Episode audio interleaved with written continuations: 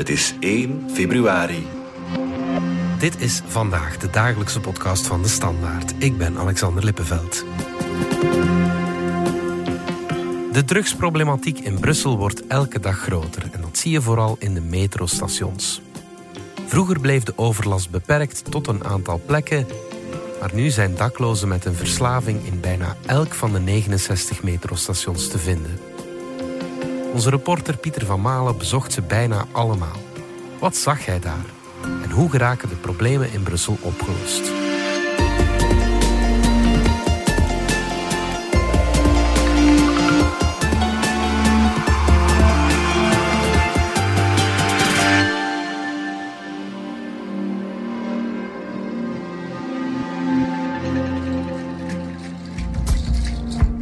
De eerste avond uh, stonden Christophe uh, Vadino, de fotograaf, en ik klaar om het metrostation IJzer in te trekken.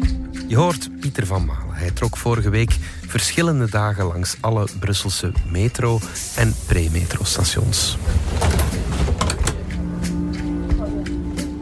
We gaan naar beneden en uh, we zien dat daar twee ambulance-medewerkers ja, bezig zijn met een vrouw op een uh, brancard te tillen. Ja, ik had totaal geen idee wat daar nu exact aan de hand was. Buiten dat je al meteen zag dat dat een, een drugsverslaafde mevrouw was. Toen dacht ik, ik zal haar niet meer zien vandaag, want zij gaat naar het ziekenhuis. Maar eigenlijk twee uur later kwam ik haar al opnieuw tegen in een ander metrostation. En zo raakten wij aan de praat met haar. Zij stelde zich voor uh, als Melissa. Ja, een vrouw van eind de 20, begin de 30. Dikke jas tegen de kou, een gigantische sjaal waarin ze haar gezicht eigenlijk min of meer verstopte. Ja, en zij vertelde ons dat ze uit een klein dorp in de Ardennen afkomstig is. Een paar jaar geleden verhuisd is naar Brussel. Ze is aan de drugs verslaafd geraakt, aan de crack. En ja, nu leeft ze eigenlijk van dag tot dag in het metrostation IJzer waar zij uh, ja, om de paar uur uh, haar shot nodig heeft. Om de miserie te vergeten, om haar pijn te vergeten. Hè. Tijdens dat gesprek deed ze op een gegeven moment een van haar sokken af en kwam daar een, een voet tevoorschijn, volledig verwrongen, blauw. Waarschijnlijk is die al dagenlang, wekenlang gebroken. Dat was, bleek dan ook achteraf de reden te zijn waarom zij was weggevoerd met de ambulance ja, eenmaal aangekomen in het ziekenhuis, zo vertelde zij, werd zij er natuurlijk op aangesproken door uh, de verplegers dat zij geen drugs mocht gebruiken. In het ziekenhuis zelf, daar heeft ze de hele boel bijeengeschreeuwd, is ze terug weggelopen uit het ziekenhuis. Terug naar dat andere metrostation, dus gevlucht, waar wij haar uiteindelijk opnieuw gezien hebben. En zo bleef ze dus maar vastzitten in die cirkel van miserie en pijn Pieter van Malen van onze binnenlandredactie. Dit is dagelijkse kost in de Brusselse metrostations. Dit is absoluut dagelijkse kost in zo goed als alle metrostations. Ik denk dat er geen enkele Brusselaar of pendelaar is die wel eens in een metrostation komt die nog nooit uh, oog in oog heeft gestaan met drugsverslaafden. Vorige week ben ik uh, samen met uh, Christophe twee, drie dagen lang van s morgens vroeg tot avonds laat door de metrostations gelopen. Zo goed als alle stations. Als je er de pre-metro-stations bij neemt, zijn dat er 69. Ja. En ja, daar hebben we tientallen gesprekken gehad met drugsverslaafden, gewone reizigers, hulpverleners, werknemers van de poetsploegen tot de MIVB zelf. En ja, ja. ja, dat was allemaal toch vrij hallucinant. Waarom ben je hierin gedoken? Wel, uh, ik woon uh, zelf al uh, zes, zeven jaar in Brussel. Ik woon zelf vlakbij een metrostation dat heel bekend staat om de drugsproblematiek. Mm -hmm. Ik woon daar heel graag. Het is ook ontzettend handig om dicht bij een metrostation te wonen. Ja. Ik heb geen auto nodig om in Brussel te gaan waar ik wil. Maar ja, door meermaals per week, soms meermaals per dag in dat metrostation te komen krijg je op de. Ja, je bent er wel ergens aan gewend dat daar dingen gebeuren die het daglicht schuwen. Maar uh, op een gegeven moment praat je daar toch over met vrienden, familie. dat het echt niet meer normaal is. Nee, en en ja. zo is het ook ter sprake gekomen op de redactie. En eh, toch nog eens het eh, idee gehad van we moeten dat eigenlijk toch nog eens echt goed op de agenda zetten. Wat daar nu eigenlijk allemaal gebeurt. Ja, ja, ja, het gaat vooral om overlast met druggebruikers eh, Ja. natuurlijk. Wat heb je allemaal gezien? Ehm, ja, dat, dat is vrij hallucinant. eh. dat woord gebruikte ik al, maar ik kan het niet anders omschrijven. Hmm. Het gaat over eh, honderden, eh, volgens de laatste schatting 700 drugsverslaafden. Mhm. die volkomen op de dol zijn. en ja, omdat ze nergens naartoe konden in Brussel, hebben zij de metrostations als onderdak gekozen. Mhm.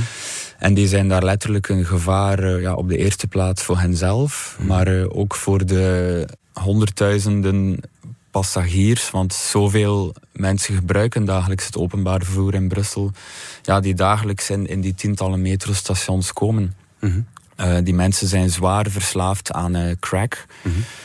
Eh, in bijna alle gevallen is dat crack, al, alhoewel je ook soms eh, heroïne tegenkomt. Maar eh, meestal is dat dus crack, de rookbare variant van cocaïne. Ja. Dat bereiden zij heel vaak ter plekke. En dan nemen zij een shot en vergeten ze even heel erg makkelijk hun miserie. Maar tien minuten later zijn ze, is die roes alweer uitgewerkt. Oké, zo kort. Zo kort duurt dat maar. Mhm. Ehm, ja, en dan, eh, dan beginnen zij te hallucineren. Dan lopen zij radeloos door de metrostations. En dat is dus, zoals ik al zei, vaak heel gevaarlijk. Eh, Ik sprak met werknemers bijvoorbeeld van de poetsploegen. Die me vertellen dat zij met messen soms worden aangevallen door eh, hallucinerende drugsverslaven. Omdat die denken dat die bij het poetsen ook hun drugs hebben weggegooid. Ja, ja. In oktober was er ook een geval waarbij eh, drie werknemers van de MIVB ammoniak in het gezicht eh, gegooid kregen. Eh, ammoniak die wordt eigenlijk gebruikt door de drugsverslaafden om van cocaïne crack te maken. Ah ja, oké. ja. Dus die hebben dat heel vaak bij zich. Maar het is ook een ja, heel bijtend goedje. Ja. En toen zij die drugsverslaafden hebben aangesproken, kregen zij ammoniak in het aangezicht gegooid. En eh, hebben ze daar echt tweede graads brandwonden bij opgelopen. Oké, ja, ja. Maar volgens mijn bronnen zijn ook echt wel al doden gevallen hè, in de metrostations. Ik heb zelf gezien op een avond dat er eh, ambulances meermaals, ja, soms zelfs op amper een paar uur tijd, moeten uitrukken naar de metrostations om mensen die volledig op de dool zijn af te voeren. Mhm. Afgelopen zomer was er ook een incident in het metrostation IJzer, waarbij een, eh, een man morgens vroeg om vijf uur was dat in de metrotunnel is beginnen wandelen. Mhm. Waarschijnlijk probeerde hij een ander eh, metrostation te bereiken en dacht hij dat de metro's nog niet reden. Ja. Maar die man, ja, die dus volgens mijn bronnen een drugsverslaafde was, die is dus gewoon eh, omver gereden door een metro en die, die was op slag dood. Onze collega's Lemja en Minke zijn naar de metrostations Ribocourt, IJzer en Schumann getrokken. En ze vroegen de passanten naar het gevoel dat ze hebben wanneer ze in de metrostations rondlopen. Ik denk dat in IJzer de meeste probleem is prostitutie. En in Ribocourt er zijn eh, veel mensen die roken van heroïne. Ik zie het wel en het stoort mij wel. Ik heb daar niet veel last van, puur omdat ik al mijn hele leven hier woon. En in Ribocourt is het volgens mij net iets erger. Maar meestal is het voor jongens nog wel veilig genoeg. Maar er is wel een groot probleem. Droge? Ja. ja, ja, dat smelt.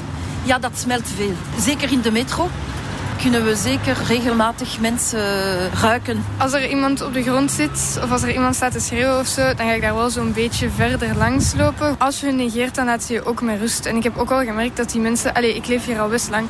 En die mensen die willen niks kwaad doen of zo. Vanaf zes uur, eh, zeker in de winter, ik probeer om minder in de bus of in de metro gaan. Ik heb vriendinnen die zijn ook uh, um, scared. S'avonds, voor mij, ik mag dat niet. Als, dat is mijn vrijheid.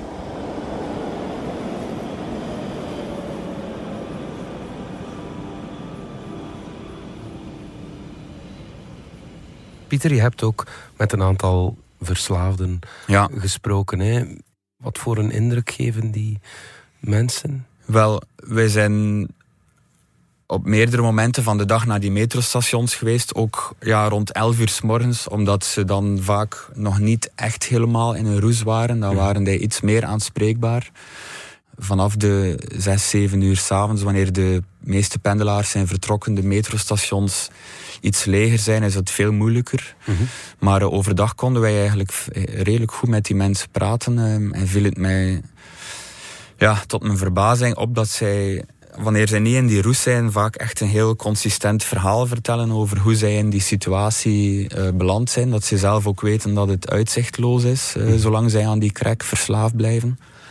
Ik vond dat zelf heel emotioneel, want eh, plots had ik gesprek met mensen die ik eigenlijk zelf al herken, die ik maandenlang, soms al jarenlang tegenkom in het metrostation aan mijn voordeur. Die mensen kregen plots een gezicht, een naam. Ja, grappig genoeg, eergisteren was ik in een metrostation en eh, begroeten ze me al. Ja, oké. ja. Dus eh, mijn vriendin zei ook van, eh, ja, je bent nu al gekend eh, bij de drugsverslaafden ook. Ja, ja. Maar goed, dat is natuurlijk heel schrijnend. Ze beseffen dat zelf. Wanneer ze nuchter zijn, beseffen ze het zelf dat ze in een uitzichtloze situatie verkeren. S'avonds is dat een heel ander verhaal. Dan ja, lopen er minder mensen rond in het metrostation, meer drugsdealers, veel minder sociale controle. Eh, en die mensen zijn daar in zo'n uitzichtloze situatie dat zij alleen maar op zoek zijn naar nog meer crack, nog meer crack, om, om even hun zorgen te vergeten. Wanneer zij dat niet hebben op dat moment, kunnen ze heel agressief zijn. We hebben toch ook een paar situaties gehad waarbij we mensen hebben aangesproken. In het metrostation IJzer was dat opnieuw. Waar Christophe en ik ook tegen elkaar zeiden van... eh, deze mensen zijn nu zo ver weg, we moeten ze gewoon meteen met rust laten, want anders eh, zouden zij hier ook wel een keer eh, heel agressief eh, richting ons kunnen worden. Ja, ja, ja. Je vertelde in het begin van deze podcast het verhaal van Melissa. Heb je nog een verhaal dat je is bijgebleven? Een andere ontmoeting die ik echt niet zal vergeten was s s'avonds laat, ik denk 10, 11 uur in het metrostation Kruidtuin was dat. Plots riep er iemand naar ons.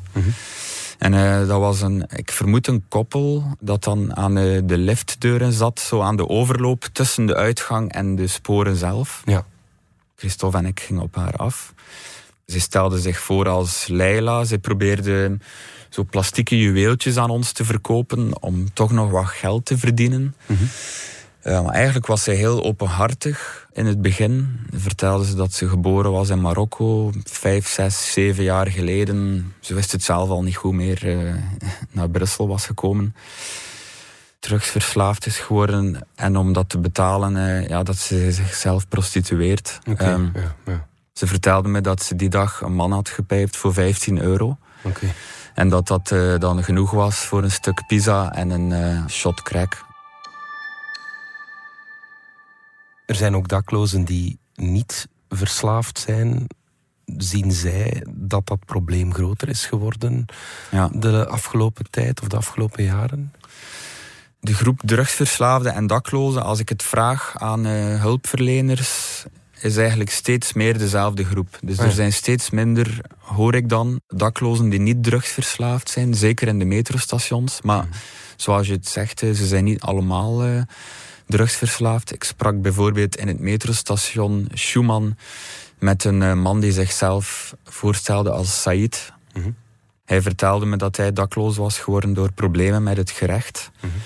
Eh, maar dat hij er wel alles aan deed om weg te blijven van ja, al de drugs die daar in de metrostations circuleren. Omdat hij toch eigenlijk nog altijd de hoop had dat hij er op een dag uit zou geraken. Eh, Ja, ja, ja. ja. Hij had ook een laptop bij zich. Ik vond, het, ja. ik vond het wel opvallend. eh. ja, ja, ja, ja. Ja, hij zei dus, ehm, als ik hier nog wil uitgeraken, als ik ooit nog een toekomst wil hebben buiten de dakloosheid, dan, dan mag ik zeker niet eh, beginnen aan die crack. Want eh, ja, binnen een paar maanden, dat hoor ik ook van, van hulpverleners, een paar maanden volstaan om eigenlijk volledig eh, af te glijden. Dat was een ontmoeting die je had in het metrostation Schumann. Als ik het goed heb, dan ligt dat toch vlak onder de Europese Commissie. Is het probleem daar dan in die ja, chicere wijken zeg maar ook zo groot? Ja, we hebben het gevraagd aan eh, mensen van het poetsbedrijf, die natuurlijk eh, het metronetwerk kennen als geen ander. En zij vertelden ons ook dat het echt bijna in alle metrostations zichtbaar is, de drugsepidemie. Ja. Misschien dat er hier en daar helemaal in de uitlopers, in de allerchicste gemeente van Brussel, het probleem iets minder zichtbaar is. Mhm. Maar uh, ja, wij zijn zelf bijvoorbeeld ook in het metrostation Merode gaan praten met drugsverslaafden. Ja, Merode, dat, uh, dat ligt onder poepchique wijken met herenhuizen. Uh, dat, is, dat, is, dat zijn geen ghettos. Straks kijken we naar hoe de problemen aangepakt zouden kunnen worden, maar eerst gaan we er even uit voor reclame.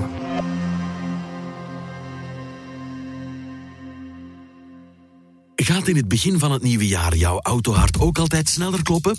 Je wil gaan kiezen en de beste deals niet uit het oog verliezen? Kom dan naar een van de 35 Hedin Automotive Showrooms en ontdek al onze vertrouwde, maar ook onze verrassend nieuwe merken tijdens de Hedin Autofest maanden. Al onze merken geven u onvoorwaardelijk de allerbeste voorwaarden. Meer info op hedinautomotive.be. Hedin Automotive. More for you.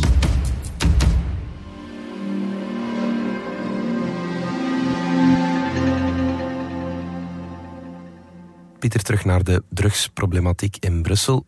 Worden die mensen ook geholpen? Ja, absoluut. Er zijn elke nacht eigenlijk wel veel hulpverleners op de been. Dat gaat van uh, ja, teams die worden aangestuurd, zal ik maar zeggen, vanuit uh, Brussels gewest zelf, tot, tot VZW's die subsidies krijgen van het Brussels gewest. Ook vrijwilligers kwamen wij tegen, het Rode Kruis. Dus ja, er wordt wel zeker uh, met man en macht geprobeerd om daar iets aan te doen. Mhm. Als je dat vraagt aan de Brusselse regering, aan de MIVB zelf, uh, dan hoor je overal dat het probleem de allergrootste prioriteit is. Mhm, mhm. Maar we zijn natuurlijk nog mijlenver verwijderd van een oplossing. Ja, ja, waarom is dat zo moeilijk? Wel, het probleem is tweeledig. Hè. Uh, zoals je het al hoort, is het een veiligheidsprobleem voor die mensen, maar ook voor de gebruikers van de metro zelf. Mhm. Eh, maar tegelijk is het ook een uh, gezondheidsprobleem. Mhm. Er is veel meer bewaking, politie of private veiligheidsfirma's nodig in die metrostations om de boel in de gaten te houden. Niet alleen overdag, wanneer er veel pendelaars rondlopen, maar ook s'nachts. Ja, we kwamen eigenlijk redelijk weinig bewakingsagenten tegen van de MIVB. Mm in een paar metrostations waren die heel erg aanwezig, maar bijvoorbeeld uh, op hetzelfde moment gingen wij dan naar een naburig metrostation en daar was het ja, één groot drugsfeest, kan het niet anders noemen. Ja. Uh, en daar was in mijlenver geen uh, bewakingsagent te zien. Mm. Bij de MIVB hoor je dan. En ja, daar hebben ze ook absoluut gelijk in. We willen meer van die teams op straat krijgen. Maar wij zijn in de eerste plaats een uh, vervoersmaatschappij. We proberen meer beveiliging mensen te recruteren. Maar mm. ja, dat krijg je niet in een paar weken tijd op straat, zo'n extra teams. Ja, nee, ja. Dus ze hebben zich nu uh, het voornemen uh, gesteld om eind dit jaar meer bewakingsagenten in de metrostations te krijgen. En wat is de rol van de politie daarin? Ja, de MIVB zegt daar ook heel terecht in. Uh, onze eerste taak is openbaar vervoer aanbieden, niet om veiligheidsprobleem op te lossen. Mhm. Dus daar is een enorme taak ook weggelegd voor de federale politie. Mhm. Het is de federale politie en dan heel specifiek de spoorwegpolitie die verantwoordelijk is voor de veiligheid in de 69 Brusselse metrostations.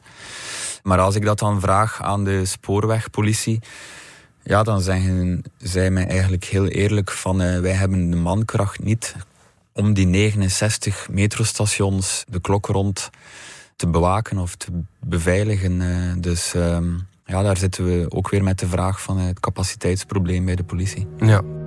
En heeft de Brusselse regering al een plan?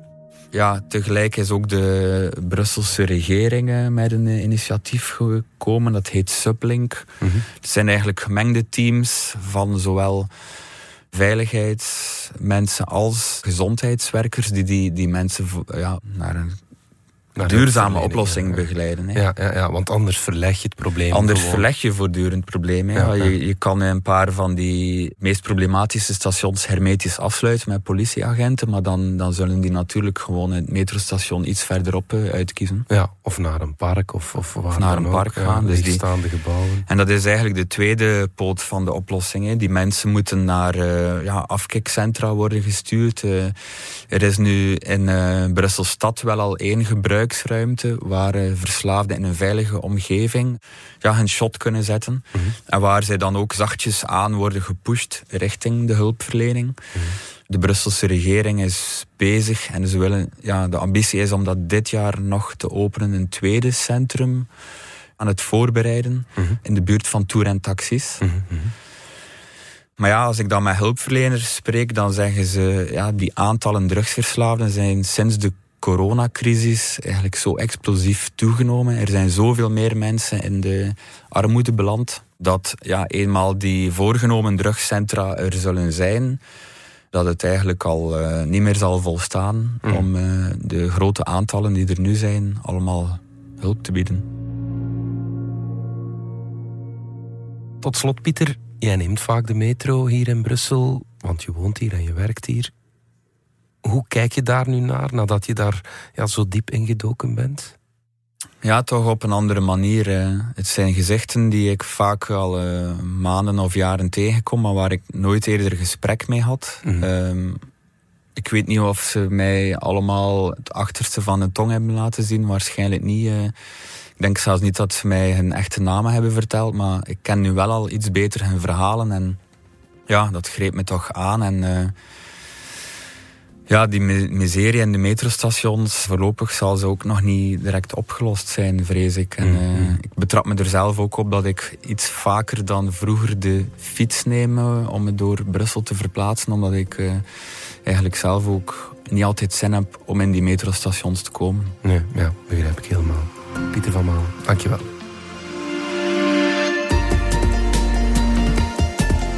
Dit was vandaag de dagelijkse podcast van De Standaard. Bedankt voor het luisteren.